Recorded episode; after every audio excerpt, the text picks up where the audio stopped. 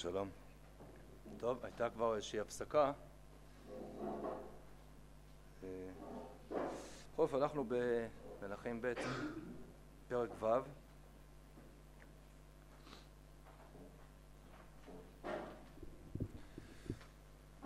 החלק השני של הפרק, מפסוק כ"ד. ויהי אחרי כן, ויקבוץ בן הדד מלך ארם את כל מחנהו ויעל ויצר על שומרון. אה, דיברנו כבר אה, קצת בפעם הקודמת על הסתירה שבין הפסוק הזה לכאורה לפסוק שקודם לו כאשר אה, אלישע מביא את צבא ארם, ארם לתוך שומרון עם כל סיפור הסנוורים מה שהערכנו כבר לפרש ולבאר גם שם לא ענינו עדיין על כל הבעיות והשאלות אבל בכל אופן הסיומת הייתה פסוק כ"ג ויחל להם קרה גדולה ויאכלו וישתו וישלחם וילכו אל אדוניהם ולא יאספו עוד גדודי ארם לבוא בארץ ישראל. ומיד פסוק הבא לכאורה בבחנת מעשה לסתור ויהי אחרי כן ויקבוץ בידעת מלך העם את כל מחנהו ויעד ויעצור על שומרון. אמרנו מה שאומרים הפירושים המקובלים בעניין ולא כל כך התמלאנו מהפירושים הללו. סוף דבר זה עדיין גם מצריך איזשהו פירוש איך, אה, איך זה בדיוק אה, מסתדר ביחד. אה, איך שלא יהיה, זה, הסתירה כאן היא חריפה מדי. הלאה. בכל אופן, אז צריך עוד להסביר גם את זה. ויהי רעב גדול בשומרון, והנה צרים עליה עד היות ראש חמור בשמונים כסף, ורוב העקב דביונים, צואת יונים, בחמישה כסף. ויהי מלך ישראל עובר על החומה, ואישה צעקה אליו לאמור הושיע אדוני המלך. ויאמר אל יושיעך השם מאין הושיעך? המן הגורן ומן היקב. ויאמר לה המלך מה לך? ותאמר האישה הזאת ותאמר האישה הזאת אמרה אליי תני את בנך ונאכלנו היום ואת בני נאכל מחר ונבשל את בני ונאכלהו. ואמר אליה ביום האחר תני את בנך ונאכלנו ותחבי את בנה. ויהי כשמוע המלך את דברי האישה ויקרא את בגדיו והוא עובר על החומה וירא העם והנה השק על בשרו מבית. ויאמר כה יעשה לי אלוהים וכה יוסיף אם יעמוד ראש אלישע בן שפט עליו היום. ואלישע יושב בביתו והזקנים יושבים איתו וישלח איש מלפניו בטרם יבוא המלאך אליו. והוא אמר אל הזקנים הראיתם כי שלח בן המרצח הזה להסיר את ראשי? ראו כבוא המלאך סגרו הדלת ולחצתם אותו בדלת, הלא כל רגלי אדוניו אחריו. עודנו מדבר עמם, והנה המלאך יורד אליו, ויאמר הנה זאת הרעה מאת השם, מה אוכיל לה השם עוד. הפסוקים האחרונים הם קצת אה, סתומים, על מי מדובר פה כל הזמן, מה... נגיד כרגע את הפירוש הפשוט, שאלישע יושב בבית עם הזקנים שיושבים איתו, ואז בפסוק וישלח איש מלפניו בטרם יבוא המלאך אליו, אלישע שלח כבר מישהו להגיד לזקנים, ראיתם? שלח בן המרצח הזה, כמו מלך ישראל, שלח להסיר את ראשי. ואוטוטו מגיע השליח שלו, המלאך, אז כשיבוא המלאך, סגרו דלת, ולחצתם אותו בדלת, כי כאילו תעצרו אותו שם, כל רגלי אדוניו אחריו. המלך שהוא אדוניו הוא ירוץ, הוא כבר מגיע אחריו. את כל זה אלישע כבר רואה בחזון הנבואה עוד לפני שזה מתרחש, ואכן זה מה שקורה. עודנו מדבר עמם, והנה המלאך יורד אליו, ויאמר, השאלה אם זה המלאך אומר, או שזה אלישע אומר, או כפי שחלק מהמפרשים אומרים, שזה אדוניו, שאכן הגיע המלך, מלך ישראל שמגיע אחריו, הנה זאת הרעה מאת השם, מה אוכל לה השם עוד. אז איך שלא יהיה, הרושם הוא בלי שאני בינתיים פירשתי מה בדיוק הכוונה, אבל הרושם הוא שיש כאן איזושהי התמתנות.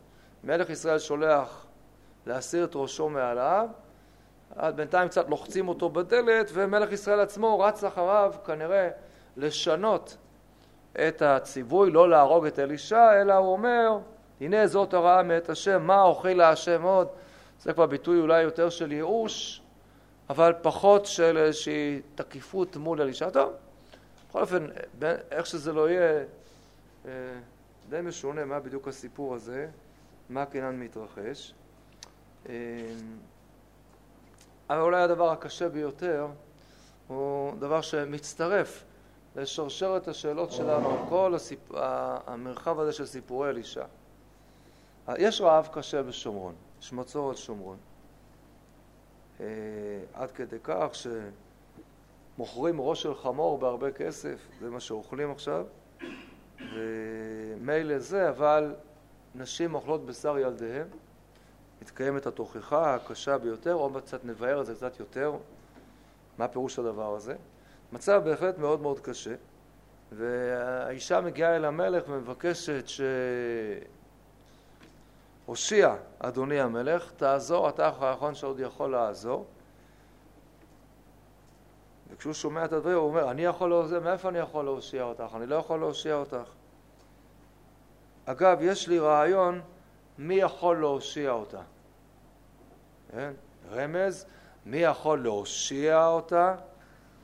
ומי שעוד לא עלה על הדבר הזה, אז בואו נראה את פסוק כ"ז שהמלך אומר, ויאמר אל יושיעך, אל יושיעך, אם הוא היה חוזר עוד פעמיים שלוש, אולי זה היה מצלצל לו מוכר, איזה מישהו שבכל אופן מצליח לעשות פה ישועות פה ושם, להציף גרזנים וכאלה.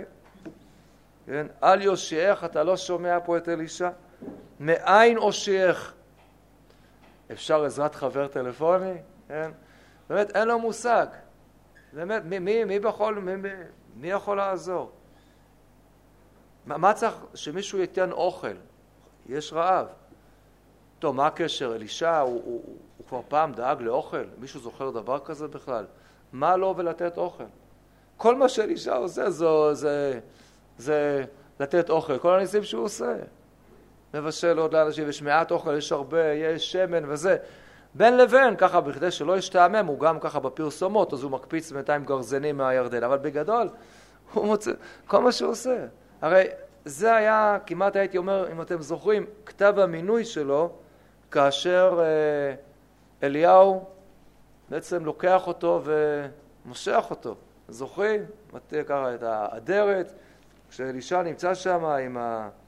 עם, אה, עם השברים שהוא ככה חורש בהם, כן, זה, זה כל מה ששם, מה שכתוב. והיה שמאחוריו ויקח את צמד הבקר ויזבחהו בכלי הבקר בשלם הבשר ויתן לעם ויאכלו. ויקום וילך אחרי אליהו וישרתהו. זה הדבר הראשון, סוף פרק י"ט במלכים א', הדבר הראשון שאלישע עושה זה שהוא מבשל בשר, נותן לעם לאכול. ברור שהמעשה הסמלי הזה מבטא את מה שהוא עושה. אחר כך ראינו שוב ושוב ושוב ושוב עם ניסים מדהימים של בקושי יש אוכל והוא דואג שיהיה אוכל בכמות אדירה. עכשיו יש רעב, את מי צריך אם לא את אלישע? המלך אומר אל יושיעך השם, זה ביטוי אנחנו בקושי מבינים מה הוא אומר כאן, אל יושיעך השם, מרוב שהשם אלישע מסתובב פה בתוך הזה, והוא לא פונה אליו. זאת חצי צרה. כמובן שהקושי הוא מתעצם שבעתיים כשהמלך מצא את האשם. אחרי שהוא שומע את הסיפור המזעזע הזה של שתי אנשים, הוא אומר ככה, נשבע בשם השם, ויאמר כה יוסיף כה יוסיף, אם יעמוד ראש אלישע בן שפט עליו היום. מצא את האשם, אלישע. אתה בסדר? אותו אתה הולך להרוג. הסיכוי האחרון. הוא רק עוזר לעם, הוא נותן לאכול. מה זה הדבר הזה? חסר היגיון לחלוטין. שוב, אני כבר לא מדבר על זה איך המלך לא פוחד מאלישע. אף אחד לא מפחד מאלישע, משום מה. למרות כל הכוחות המדהימים שיש לו, הכוחות המודיעיניים שלו, הוא יודע איפה מלך ארם זה, הוא יכול לקחת את כל צבא ארם, לסובב אותם ככה כמו החלילן מהמלין, לוקח אותם לאיפה שהוא רוצה, משחרר אותם איך שהוא רוצה, כולם כנועים תחת זה, ואף אחד לא מפחד ממנו. זה פשוט אה, אה, מדהים.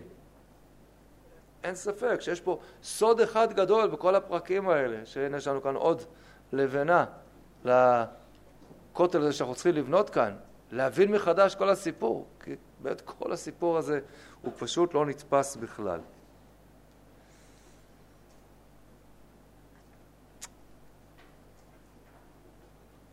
אני רוצה רגע להתעכב, כי זה דבר חשוב כשלעצמו, על הסיפור הנורא הזה שמופיע כאן, שאנשים רבות, שתיהם, מה הסיפור? קשה להאמין שיש סיפור כזה. כן, הם היו כולם רעבים, אז אחת אמרה, תקשיבי, אה, תביא את הבן שלך לארוחת צהריים היום, מחר ארוחת ערב עליי, מוישלה, עליי. האמת, הוא הוציא 60 במבחן בהיסטוריה, אמרתי לו, זו פעם אחרונה, די, הקדשת את הסאה, זהו. כל סיר יש מכסה. אה, וזהו. ואז האישה הראשונה אמרה, באמת רעיון טוב. אגב, זה יהיה בשרי. את אוכלת בד"ץ? איך אה, זה? אני... אתם לפני ארוחת ערב, אני לא יודע אם זה הכי... זה, אבל טוב, זה לא אני כתבתי את הטקסט, כן? ואז אחרי שבאמת אכלו והיה באמת ממש ממש טעים, כן? אה, למחרת, אז החביאה את הבן שלה. זה באמת לא יפה. והיא מבקשת מהמלך שיורה אלא, אה, תוציאי את הבן שלך, מוש, אחד, שתיים, שלוש, ראיתי אותך בבוידם, בוא תתחבא בסיר.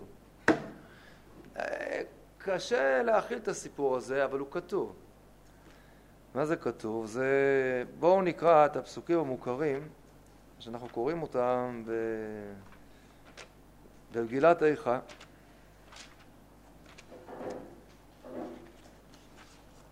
פרק ד' במגילת איכה.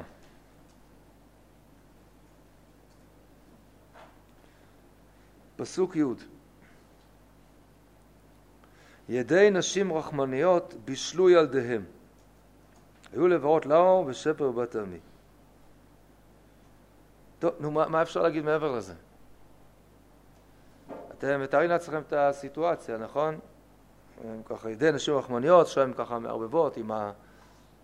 עם המצקת הגדולה, עם הכף, עם התרווד, ככה את הזה, ו... ו... טוב, נו, מה, נוסיף על התיאור הזה? אז תראו, כנראה היה באמת רעב מאוד מאוד גדול. וכשהיה רעב מאוד גדול, אז uh, בסוף אין מה לעשות. אז uh, אוכלים את הילדים. Uh, כל ילד יכול לבחור מה הוא מעדיף. מה אתה רוצה, ארוחת ערב, ארוחת בוקר, ארוחת צהריים, כל אחד בוחר לא מה לאכול, אלא מה להיות. כן? זה מה שכתוב, נשים רחמניות. איזה יופי. חס וחלילה, אין דבר כזה. אני יודע, יש, יש גננות שלפני תשעה באב מלמדות את זה בגן. זה, אה, כן, אה, אסור לעשות רגע, זה טראומה לכל החיים. חס וחלילה, זה לא מה שכתוב כאן. ממש, וחשוב לדעת את זה. נעזוב את הגננות. כן? ממש ממש זה לא התיאור. התיאור כאן שונה לחלוטין. צריך לקרוא את ה... בואו נקרא את הפרק הזה כולו, נראה, נבין על מה מדובר. פרק ד' באיכה. איכה יועם זהב, ישנה הכתם הטוב, תשתפכנה אבני קודש בראש כל חוצות. מי הם הזהב, הכתם הטוב? כתם זה ביטוי גם הוא לזהב. אבני קודש שמשתפ... מי הם האבנים היקרות הללו? בני ציון היקרים, המסולאים בפז, איכה נחשבו לנבלי חרס, מעשה ידי יוצר. בני ציון הם, שהם היו פעם כאלה, הם באמת אבנים יקרות, זהב, הם גם היו לבושים בבגדים מכובדים, עם תכשיטים, זהב וכולי, ועכשיו הם משתפכות בראש כל חוצות, נופלים על הרצפה, נחשבו לנבלי חרס. כלומר, נבל כד של חרס, יבש, מעשה ידי יוצר. מה זאת אומרת? מתואר פה תיאור של אנשים שנפלו ברחובות באפיסת כוחות כי הם מיובשים. כלומר, יש פה, יש פה רעב. גם תנים חלצו שד, העניקו גוריהם. בת עמי לאכזר, קיינים במדבר. הם לא מניקים, האנשים לא מניקות, כי אין חלב. וזה נראה כאכזריות הכי נוראית. איזה דבר נורא זה שתינוק רוצה לינוק והאימא לא נותנת, אין לה מה לתת. דבק לשון יונק על חיכו בצמא, עוללים שאלו לחם, פורס אין להם, אין להם אוכל. האוכלים למעדנים, נשמו, בחוצות, אלה שהיו אוכלים.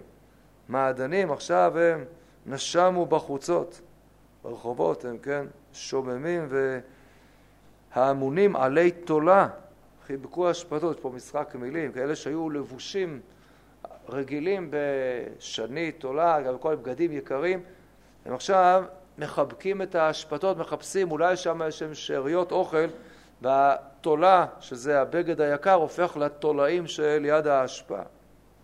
ויגדל עוון בת עמים, מחדת סדום האפורה כמו לא חלו בידיים. זכו נזיריה משלג, צחו מחלב, עדנו עצם מפנינים, ספיר גזרתם, זה מה שהיה פעם, כמה שהם היו כולם יפים ועכשיו חשך משחור טהורם, לא נקרו בחוצות, כן, הם הפכו לשחורים לגמרי בגלל הרעב, שמכיר את התמונות הנוראיות הללו, כן, צפד אורם על עצמם, יבש היה כעץ. מה שכאן התיאור הוא תיאור של רעב קשה ביותר. הרעב הזה הוא בא יחד עם מחלות, עם... זה התוכחה. מה בעצם, מה קורה, מה מתרחש בתוכחה? אחר כך אנחנו נוכיח שזה גם מה שקורה אצלנו בספר מלכים, אבל כאן הוא רק רגע מה שהתיאור של התוכחה בתורה. מה זה ואפו עשר נשים לחמם בתנור אחד? למה? למה? מכיוון שברגע שמגיע האויב, אז מה שקורה, שכל אלה שגרים בכפרים, ביישובים הקטנים, מחוץ לעיר הגדולה, החקלאים, מה הם עושים עכשיו? אין להם הגנה, מה הם נאלצים כולם לעשות? כולם בורחים ומתקבצים לאיפה? אל, אל העיר הגדולה, העיר הממוגנת, העיר עם החומה, שהעיר הזאת עכשיו עומדת במצור. עכשיו פתאום יש פיצוץ אוכלוסין בתוך העיר, וצפוף מאוד. ועכשיו עשר נשים ביחד עופות על תנור אחד. הכמות של האוכל היא אולי מספיקה בעיקרון מה שהעיר הצליחה להתארגן להחזקה, לעמוד במצור, כאשר האנשים הם אנשי העיר, אבל עכשיו מתאספים עוד אנשים רבים רבים מסביב. וכשהוא כך צפוף אין הרבה מים, כן? והמים הם במשורה. ממילא חוסכים מים למשל מכל מיני דברים של היגיינה, פחות מתרחצים, פחות כמובן מכבסים את הבגדים. אז נהיה גם צפוף וגם גם רעבים וגם אין היגיינה, מתפשטות מה? מחלות. הקראתי איתכם בדבר, זה מה שקורה, הכל קורה בצורה טבעית, בצורה, כשיש לחץ של המצור ושל ה... ועכשיו יש, יש גם הרבה אנשים אולי שאולי תוך כדי הקרב הם עומדים על החומות, יש גם נפגעים, אבל קוברים אותם בתוך העיר. גם זה לא הדבר הכי הכי בריא והכי... בתי הקברות היו קוברים כידוע מחוץ לעיר, אבל עכשיו חללים, יש חללי חרב ששוכבים שם בחוצות. לא לכולם יש עכשיו זמן להתפנות בדיוק לקבור אותם, שמים ערימות של אה, קברי... כולנו מכירים את התיאורים הנוראים האלה. אנחנו לא צריכים אה, להרחיק לכת בזיכרוננו תמונות קשות ונוראיות מלפני 70, 75 שנה, איך, איך הדברים נראו בגטאות, שפתאום סוגרים במקום צר יחסית, כן, כמות אדירה של בני אדם, ושבקושי יש לכולם מקום לישון, מקום, וכמובן שאין הרבה אוכל ואין זה, ו, והרעב ביחד עם המחלות, והשם ישמור. זה תיאור נורא. וכאשר שוב, הדבר הנורא ביותר זה הרעב. זה הרעב, ולאנשים כבר אין כוח. נופלים ברחובות, מאפיסת כוחות, כשאין מה לאכול ואין מה לשתות. והרעב, אנשים מתים ברעב. למות ברעב זו אחת המיתות האכזריות והקשות ביותר שיש. כי למות ברעב, מלבד הביזיון הנורא שיש בזה, זה מוות איטי ובייסורים. אתה לאט לאט מאבד כוחה. בהתחלה אתה איכשהו, אתה מצליח לשבת על הרצפה, במדרכה, אולי להושיט יד, לבקש נדבות. אתה כבר לא מצליח לדבר לאט לאט, רק אתה זה, ואחר כך כבר אין כוח לשבת, ואתה כבר נשכב, והגוף לא מסוגל לאכול. צפד אורם על בשר, אני, צר לי שאני עכשיו עובר ככה לתיאורים הללו של, כן, אבל זה, אלה כאן התיאורים.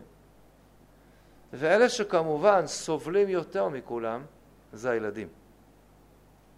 הילדים שיש להם הכי פחות כמובן רזרבות של אוכל, הם אלה ש...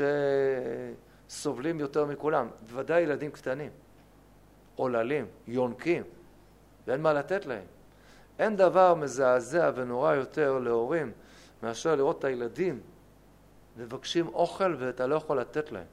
לא פעם אחת מבקשים שוקולד, אלא שהילדים מתים ברעב. אין דבר נורא מזה. והילדים בוכים, רק כבר לא מסוגלים לבכות אפילו. ואתה רואה שהילדים מתעוותים בכאב הזה של הרעב ושל ה... זה דבר נורא.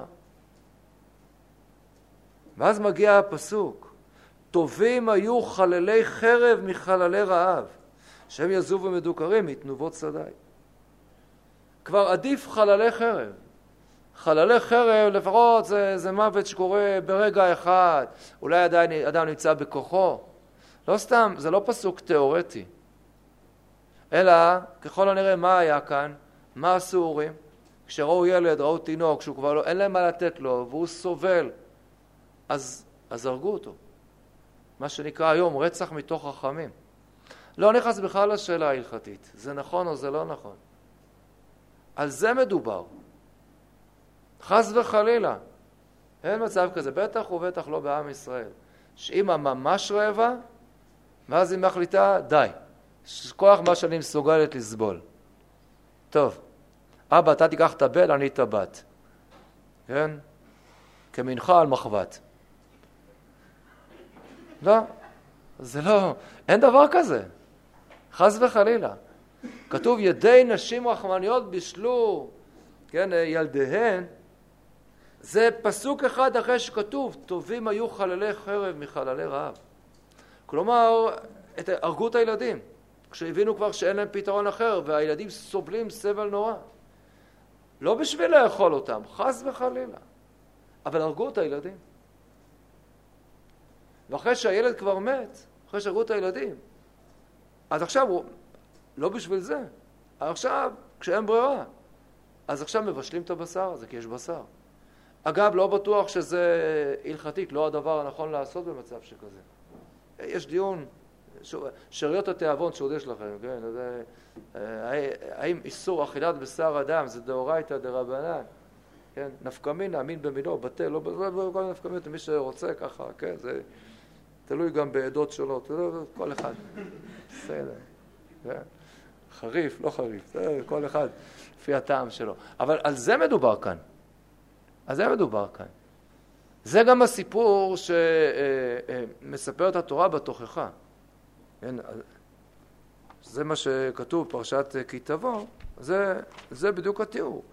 לא שההורים אה, הורגים את הילדים שלהם בשביל לאכול אותם, זה מה שכתוב. יצר לך בכל שעריך עד רד חומותיך וכולי, ויצר בכל שעריך בכל הצרה שתתן, פחלת פרי ויתנך, בשר בניך ובנותיך, אשר נתן לך אשר יוקרך, במצור ובמצוק, אשר יציג לך אויביך. האיש ערך בך וענוג מאוד, תרה עינו באחיו ובאשת חיקו וביתר בניו אשר יותיר, מיתת לאחד מהם מבשר בניו אשר יאכל, מבלי השאיר לו קול. כלומר, לא שהוא יאכל, הוא יהרוג אותו בשביל לאכול אותו, אלא אחרי שמישהו שם מת, אז עכשיו כל אחד הולך לאכול לבד, בלי לשתף, אנשים נהיים חיות. אבל האינסטינקט הזה של ההורי, שההורים יהרגו את הילדים ברעב, זה ודאי שלא קיים, גם בשפל הנורא הזה. הרכה בך והענוגה, אשר לא נסתה כף רגלה הצג על הארץ, מהתענג ומרוך, תרע עינה באיש חיקה ובבנה ובביתה ובשילתה יוצאת בין רגליה ובניה אשר תלד, כי תאכלם בחוסר כל בסתר. במצור ובמצור ובמצוק אשר יציג לך אויביך בשעריך. זה התיאור. שכל אחד ירצה כבר, כבר לאכול לבד ולא ירצה לשתף את האחרים. זה גם, לא להעמיד את הזוטרתא, דבר איום ונורא. אז זה מה שמתואר כאן, זה היה הסיפור. היה מצור קשה והיה רעב קשה מאוד. אנחנו רואים, מה אוכלים פה? אוכלים ראשים של חמורים, אוכלים צואה של יונים. כן, זה... אז על זה מדובר, האנשים מדברות על, ה... על הילדים, לא הנה, יוסי ומשה מתנדנדים בנדנדה. ניקח את הימני או את השמאלי? ודאי שלא. אבל בכל אופן, התיאור בהחלט תיאור איום ונורא, וכשהמלך, מלך ישראל, שומע את הדבר הזה, כן, אז uh, הוא קורע את בגדיו, ואז העם רואה שמה, השק על בשרו מבית. כלומר, המלך לבש לבוש שק, אז זאת אומרת שהוא נמצא בתענית. אבל זה היה מתחת לבגדי מלכותו. כלומר, באמת, זה דווקא דבר שעומד לזכותו פה של המלך. זה דבר שהוא לבוש שק, זה חלק מתהליך של תענית, של תשובה, אבל הוא לא עושה את זה בפומבי. זה לא איזו הצגה חיצונית של הדברים, כמו שלמשל היה בתשובתם של אנשי ננבה. ושמו שקים, האדם והבהמה. כן, עם בהמה שמים לפרה גם שק ואפר בכדי שתעשה תשובה ולא תאכל עשב, בואו נאמר שזה מלמד גם על רמת השק ששמו שם אנשי ננבה בעצמה. זה לא רציני. אבל המלך כאן שם שק, אולי הוא לא רצה שהעם יראה, לא רצה ככה להפיל את רוחו, אז הוא ידע שהמצב קשה. הוא כנראה לא ידע עד כמה המצב קשה. וכשהוא שומע שזה המצב, אז הוא נשבע, זהו, זה הסוף של אלישע. כפי שאמרנו כבר, הדבר הזה כמובן מסקנה לחלוטין לחלוטין לא מובנת. טוב, נתקדם הלאה, אחרי שענינו פה על כל השאלות, נעבור לפרק ז'. טוב, חוץ משלוש, ארבע, חמש, שש, שבע שאלות שלא הספקנו, פרק ז'. ויאמר אלישע, שימו דבר השם. כה אמר השם, כעת מחר שאה סולת בשקל, שעתיים שעורים בשקל בשער שומרון. אלישע מבטיח, תקשיבו, מחר השוק נפרץ. יהיה פתאום הצפה של אוכל עד כדי כך שכמות גדולה של סולת תעלה בסך הכל שקל, ושעורים, שעתיים בשקל בשער שומרון, באמת, אה, זהו, ייגמר הרעב ופתאום יהיה שפע. ויען השליש אשר למלך נשען על ידו את איש האלוקים ויאמר הנה השם עושה ערובות בשמיים היה הדבר הזה? אין מצב. לא יכול להיות. ערובות בשמיים וככה ירד, אה, אין דבר כזה. החזאים אמרו שתהיה בצורת. אין מצב שהשנה עוד יהיה ערובות בשמיים. זה מה שאמר השליש. ויאמר אינך רואה בעיניך ומשם לא תאכל. אה, אנחנו יודעים שמה קרה לו בסוף, רק נדלג מהר מהר לפסוק האחרון, כן, אה, פסוק כ', ויהי לו כן לשליש, וירמסו אותו עם בשער וימות. סתם נראה לא, לא יפה כל כך.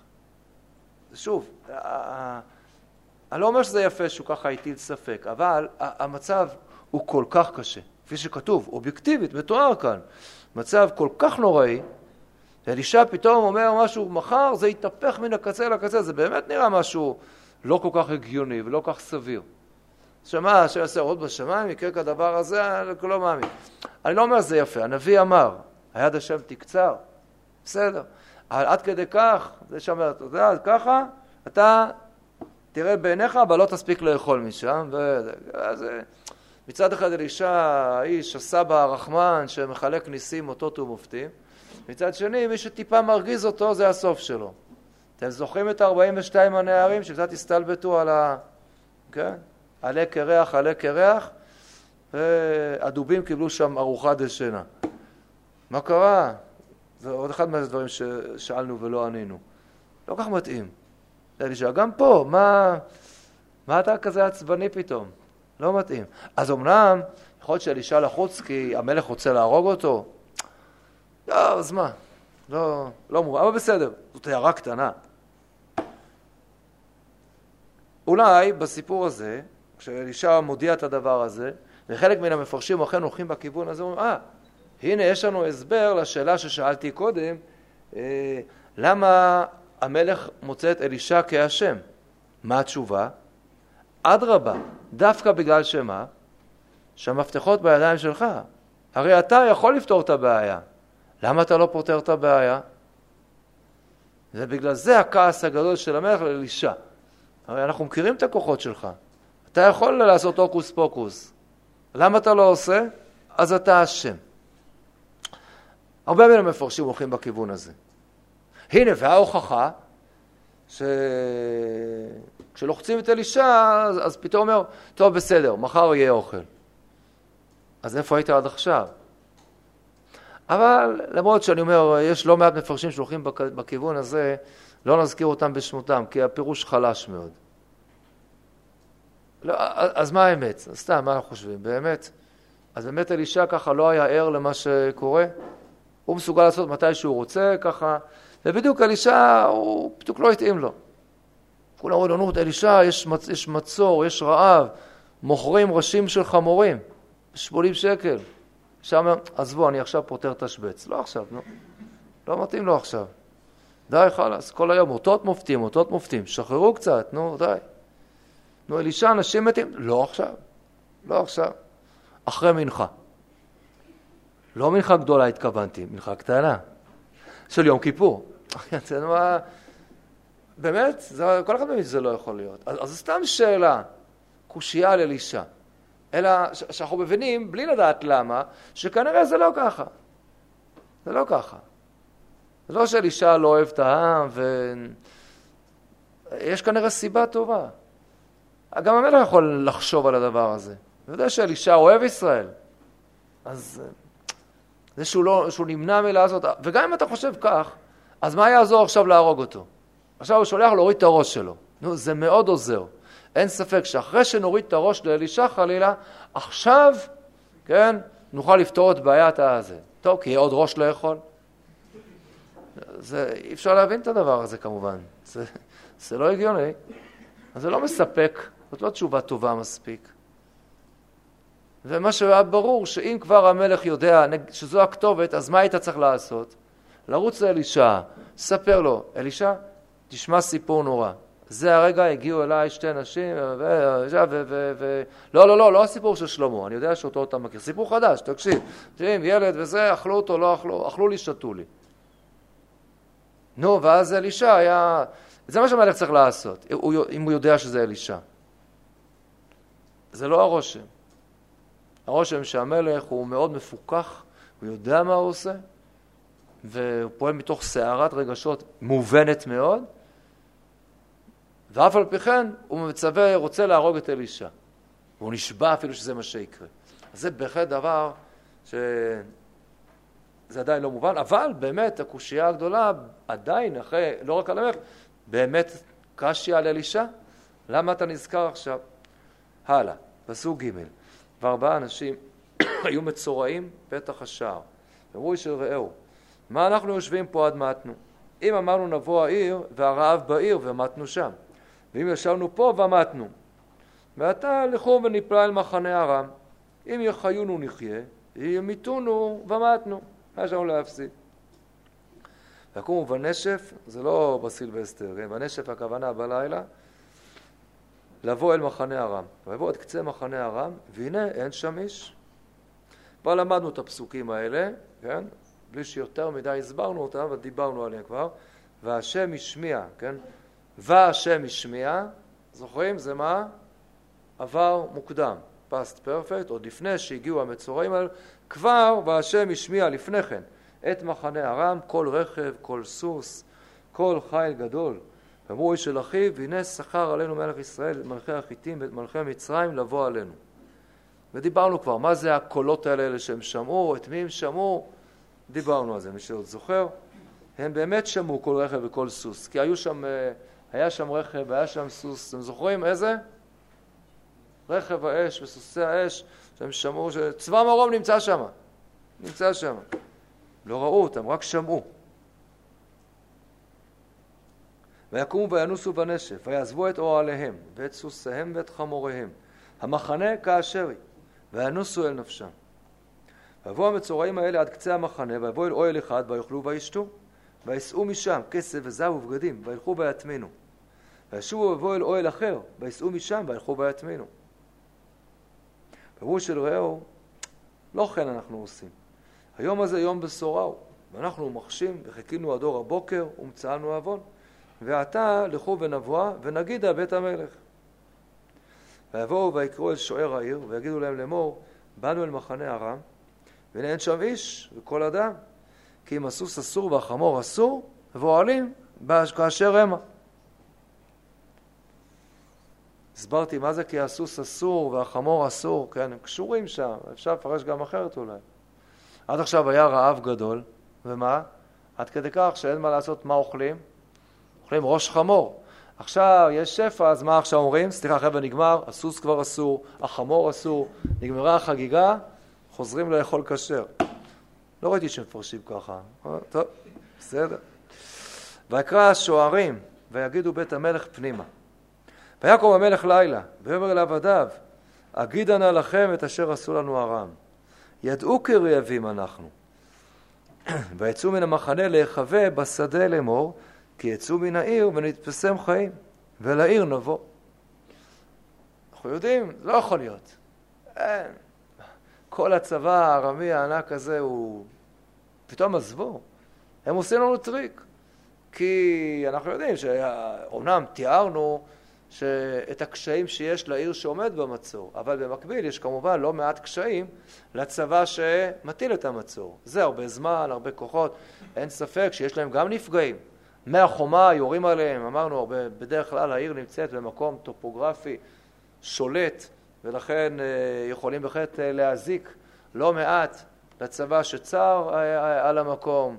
אם אפשר לראות עליהם חיצים, הם מתקרבים יותר, אפשר לשפוך כל מיני דברים חמים ורותחים ומבעבעים כידוע, כל הסיפורים הידועים בעניין הזה, ולכן הם צריכים גם לשמור מרחק, ולא רק זה, אלא הם צריכים לדאוג לעצמם, לאספקה ולאוכל. לאנשי העיר, אמנם הרבה אנשים על האוכל, אבל לפחות הם אגרו אוכל מקודם. אבל אנשי הצבא הגדול שמגיע, הוא צריך כל הזמן להביא אספקה ותחמון. זה לא סיפור פשוט, והרבה פעמים סיפור של מצור, אה, מלחמות ארוכות וגדולות שהיו גם בהיסטוריה של התנ"ך וגם בכלל, הן הרבה פעמים נגמרות בשאלה מי ממצמץ ראשון. לשני הצדדים בדרך כלל זה לא מאוד מאוד פשוט ולא קל, בטח כשיש צבאות גדולים. והשאלה אם אלה שבפנים נכנעים ראשונים, או שאלה שצרים בחוץ, בסוף המצור הארוך הזה מתיש אותם. כן, קחו מציאות שהעסק מתארך. בדרך כלל היו יוצאים למלחמות הגדולות, כן, צאת המלכים. הכוונה באזור האביב, בחודש ניסן. זה זמן מתאים למלחמות. אבל אם העסק מתעכב ומתארך, אז אני כבר לא מדבר על זה, כבר נכנסים לחודשי הקיץ החמים. ודאי צריך הרבה מים וזה לא פשוט. ומה שאולי נראה עוד יותר מסובך זה מה קורה כשכבר גולשים אל החורף. זה פתאום חורף וגשם וזה, והצבא נמצא פרוס בשטח. זה ודאי שאלה לא פשוטה. ולכן, הוא אומר מלך ישראל, מלך ישראל מגלה מנהיגות. כן, הוא לא כמו אותם המצורעים, הם ישר רצים, לא עושים חשבון, אולי מישהו מחכה להם, אין להם כבר מה להפסיד, הם גם לא עושים, לא מעלים בדעתם ולא חושבים על זה, אבל מלך ישראל יש לו אחריות. למרות הפיתוי העצום, שיש, ראינו מה המצב בתוך העיר, הפיתוי לצאת עכשיו מהר החוצה ולרוץ על מחנה ארם הנטוש הוא פיתוי עצום, אבל מלך ישראל מגלה מנהיגות, כי הוא מבין שזה לא הגיוני. זה לא, אין, אין סיבה שכבר צבא ארם יברח. ולכן הוא אומר, לא, לא, הם אה, עושים לנו טריק. הם פשוט רוצים לחסוך מעצמם את כל העניין הזה של לבקע את החומות, שזה כנראה דבר קשה ומסובך, והם מחכים שאנחנו נצא החוצה. ואז יגמרו את כל הסיפור בקלי קלות. יוכלו מהר להיכנס פנימה לעיר וגם להרוג אותנו בחוץ. ולכן הוא מצליח לנהוג באחריות מבחינתו. והיה אחד מעבדיו, ויאמר, ויקחו נא חמישה מן הסוסים הנשארים, אשר נשארו בה, הינם ככל המון ישראל אשר נשארו בה, הינם ככל המון ישראל אשר תמו. נשארה ונראה, אה, ביטוי של ייאוש, כבר בקושי יש סוסים, נשלח, נבדוק. נבדוק, נשלח משלחת קטנה ונראה. לקחו שני רכב סוסים, אה, אפשר לפרש בכל מיני צורות, אבל הראש הפשוט הוא שביקשו חמישה סוסים ומה? ומה מצאו בסך הכל? שני רכב סוסים, לא בטוח שזה אותם חמישה סוסים, זה לא כל כך מתחלק לשני רכב, אבל וישלח המלך אחרי מחנה ארם לאמור לכו ראו, והלכו אחריהם. עד הירדן, משומרון, עד הירדן עשרות קילומטרים. והנה כל הדרך מלאה בגדים וכלים. אשר השליכו ארם וחובזם וישוב המלאכים ויגידו למלך זו כמות מדהימה. כן, תחשבו קילומטרים על גבי קילומטרים של ציוד וכלים ובגדים שממשיכים להשליך, להשליך. למה הם ממשיכים להשליך? כי הם ממשיכים לשמוע את מה? הרי אף אחד לא רודף אחריהם. רודפים אחריהם, רק הם לא רואים אותם. הם שומעים את כל, שומעים כל רסוס וכל רכב, כל חיל גדול, כל צבא מרום, כפי שראינו. הם אפילו לא מעיזים להסתובב אחורה לראות שאין אף אחד שרודף אחריהם. הם לא מסוגלים, בבעתה. וכל פעם מרגישים צורך לרוץ יותר מהר, ומורידים עוד משהו, ועוד נעליים, ועוד זה, ועוד בגדים, ועוד זה ככה. תחשבו על הכמות. שהם, שהם, שכל הדרך מלאה עד הירדן. ויצא העם ויבוזו את מחנה ארם, ויהי שאה סולת בשקל, ושאתיים שעורים בשקל, כדבר השם. והמלך הפקיד את השליש אשר נשאר ידו על השער, וירמסו העם בשער וימות. כאשר דיבר איש האלוקים, אשר דיבר ברית המלך אליו. ויהי כדבר איש האלוקים אל המלך לאמור, שעתיים שעורים בשקל ושאה סולת בשקל, יהיה כעת מחר בשער שומרון. ויען השליש את איש האלוקים ויאמר, והנה השם עושה ערובות בשמיים, איה כדבר הזה, ויאמר, הנך רואה בעיניך ומשם לא תאכל. ויהי לו כן, וימסו אותם בשער וימות. אה, כל מי שקורא את זה, זה מציק לו, הפסוקים האלה. מה זה החזרה הזאת? שמענו את זה לא מזמן. תחילת הפרק זה מה שכתוב. כאילו למי שלא זוכר, בואו נזכיר לכם מה היה. זה היה מזמן, אה? ל-15 פסוקים כבר זה היה. מי זוכר? אז מה שהיה, זה שאיש האלוקים הבטיח שזה השער יהיה ככה וכך. והשליש אמר, מה? עושה, יעשה השם אורות בשמיים. ואז הנביא אמר לו, הנך רואה שם ושם לא תורד. וזה אגב קרה, לא יאומן. מה זה? זה מתאים לעיתון הארץ. כן, אבל מה, למה לכתוב את זה בתנ"ך בצורה כזאת? מה שלא נגיד, המפרשים מתקשים בזה מאוד, שבאופן הכי הכי פשוט, התנ"ך בא להדגיש דבר שלכל אחד מאיתנו הוא מובן מאליו, וכנראה שלא. זאת אומרת, שהתנ"ך אומר, תדעו לכם שמה שכאן קרה, זה קרה מה? לא במקרה, זה קרה בדיוק לפי מה? לפי מה שאמר הנביא אלישע. לא כשזה קרה בדיוק, התשועה הגדולה קרתה בדיוק כפי שאמר הנביא אלישע, אלא זה שפקפק על הדבר הזה, אלישע הבטיח לו עונש. וזה בדיוק בדיוק מה שקרה. כלומר, זה חדשות גדולות, זה חידוש. אנחנו לא היינו מאמינים שזה קשור לאלישע. מה קשור אלישע? אלישע, הוא, הוא, יש לו רוח הקודש בכלל? הוא עושה מופתים? מה לא בין הדברים האלה בכלל? אלישע. זה בעצם מה שכאן כתוב. ושוב, אני אומר, זה לא יכול להיות. אבל זה כמה שכתוב. כמה מדגישים, תדעו לכם, כן, זה אלישע. מה שהוא אמר, זה בדיוק מה שקרה. שמתם לב? אני לא שמתם לב, אגיד לכם עוד פעם. תסתכלו, אלישע. בן שפט, עם הזקן, זה היה הוא, עם המטה, עם המשענת, זה הוא. ומה עם השליש, איפה הוא? זהו. זה, זה מינוס שלוש. שליש, הוא זה שלא האמין לו, וזה מה שקרה לו, העם רמסו אותו. למה רמסו אותו? כי זה מה שאלישע אמר. טוב. זה פשוט באמת כל כך מוזר לקרוא את זה בצורה כזאת. זה, אבל זה סיפור בתוך סיפור. הסיפור עצמו הוא סיפור מעניין, אה, טוב, קרה פתאום, קרתה התשועה הגדולה הזאת, באמת איזה שינוי מדהים שקרה, באמת לא נתפס. אומנם זה לא קרה בדיוק על ידי ערובות בשמיים, אבל כנראה שבצורה מאוד מאוד דומה. כן, כנראה היו פה איזה מין ערובות בשמיים שהשמיעו את הקול ואת הרעש ואת ה... אה, הדברים המלחיצים והמפחידים האלו, וזה מה שקרה. טוב, אז כמובן שגם הדבר הזה מצטרף לתחושה ש... והזכרנו אותה, שמשהו פה לא מסתדר טוב. חז"ל מספרים לנו מי היו ארבעת המצורעים הללו. יודעים, נכון? מה אומרים חז"ל? מי אלו? מי? גיא חזי ושלושת בניו. למה? למה להגיד דבר כזה? איך הגיעו לזה? אז באופן פשוט, כי קראנו קודם, ככה, פרק וחצי מוקדם יותר את הסיפור של גיא חזי, כאשר גיא חזי לקח אה, מנעמן, לקח אה, תשועה בניגוד למה שאלישע הרשה לו, הוא לקח שם כיכר כסף, שתי חליפות בגדים, ואז אלישע שאל אותו מאיפה, זה אמר לו ככה, סוף פרק ה' וצרת נעמן תדבק בך ובזרעך לעולם. והם יצא מלפניו מצורע קשה לי. אה, אז הנה מצאנו פה סיפור של צרת, אז אלישע זה כלל בחז"ל, לא בא המקרא לסתום, אלא לפרש.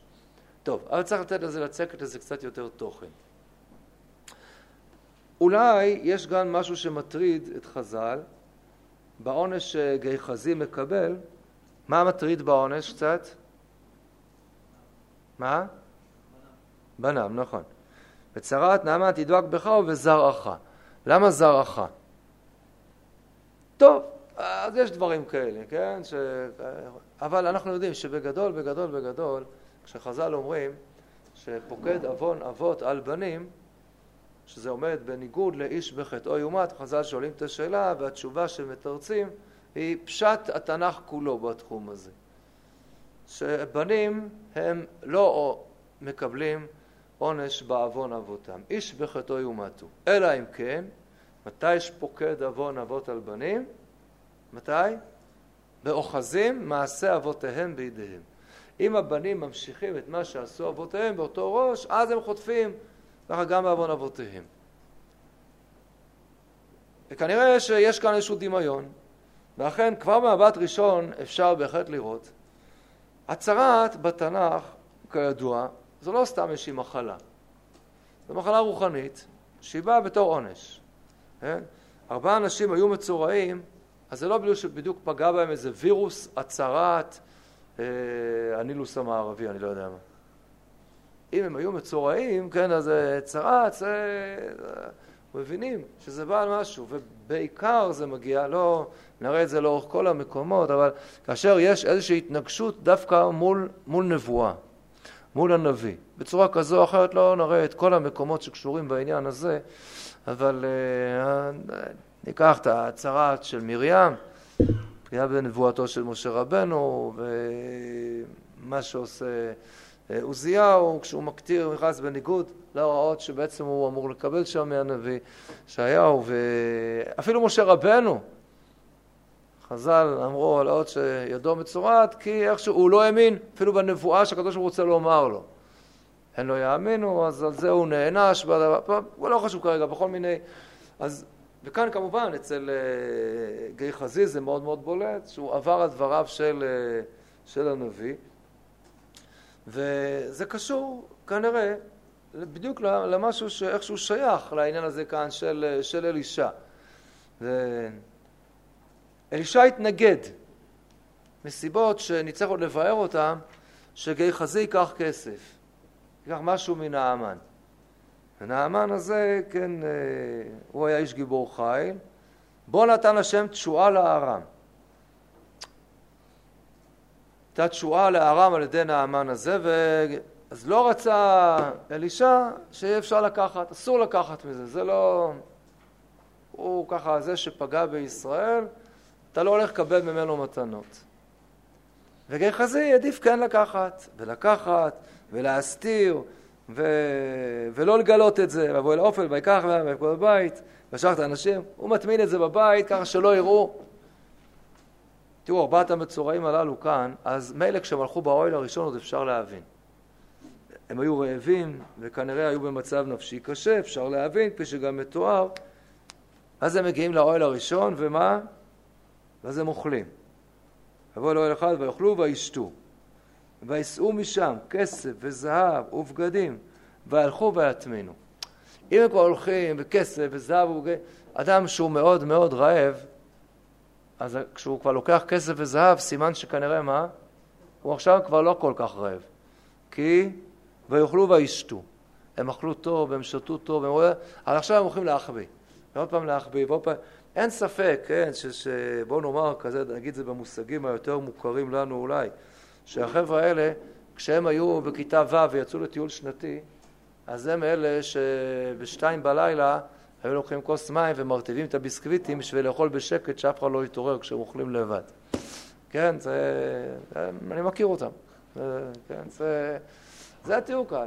בשומרון כולם שם מתים ברעב, מבשלים את הילדים, ואנחנו בינתיים עסוקים בכל אחד ככה, לשים לו, שיהיה לו לפנסיה גם.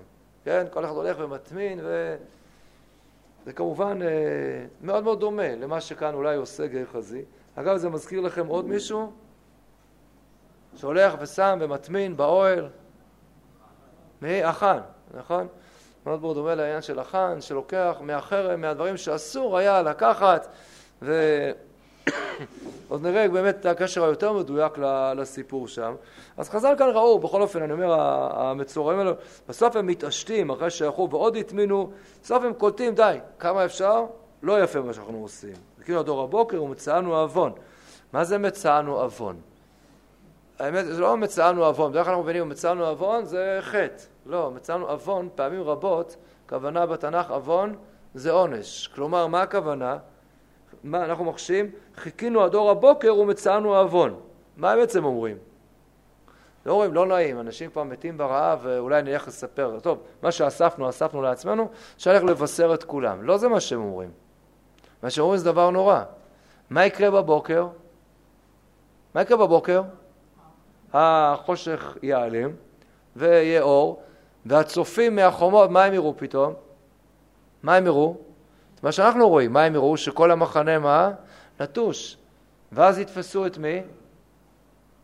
אותנו, כן.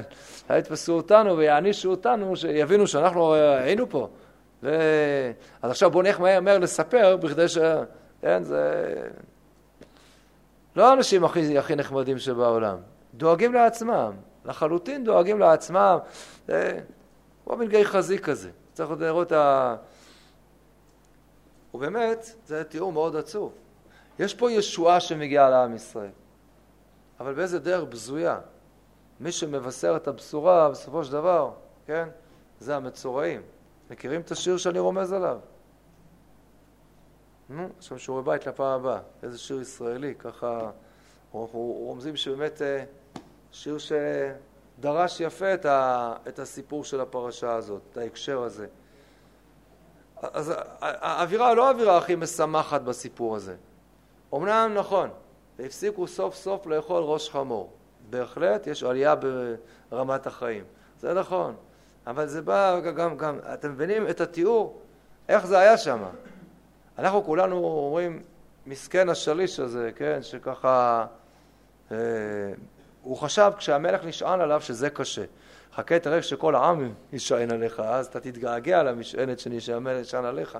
גם הביטוי הזה נמצא מה המקור שלו, למה זה בא לרמוז, העניין הזה שהמלך נשען על ידו. אבל נעזור רגע את השליש, אתם מבינים את התיאור שהיה פתאום? מה קרה לפתע? מה קרה פתאום? נפתחו מה? השערים של החומות, כי יוצאים החוצה ומה? השמועה פשטה, יש אוכל. ומה קורה עכשיו? מה? מה קרה פתאום עכשיו? כן, אה, ויצא העם, ויבוא זאת מחנה ארם, כן? וירמסו אותו העם. אז זה כתוב פה בעדינות. אתם מתארים לעצמכם מה היה שם? אולי עכשיו עשרות אלפי אנשים, אולי יותר. פורצים, אנשים מזה רעב, ורומסים, דורסים. אני לא בטוח שהשליש היה היחיד שנרמס. אני לא יודע. אולי היחיד שמת.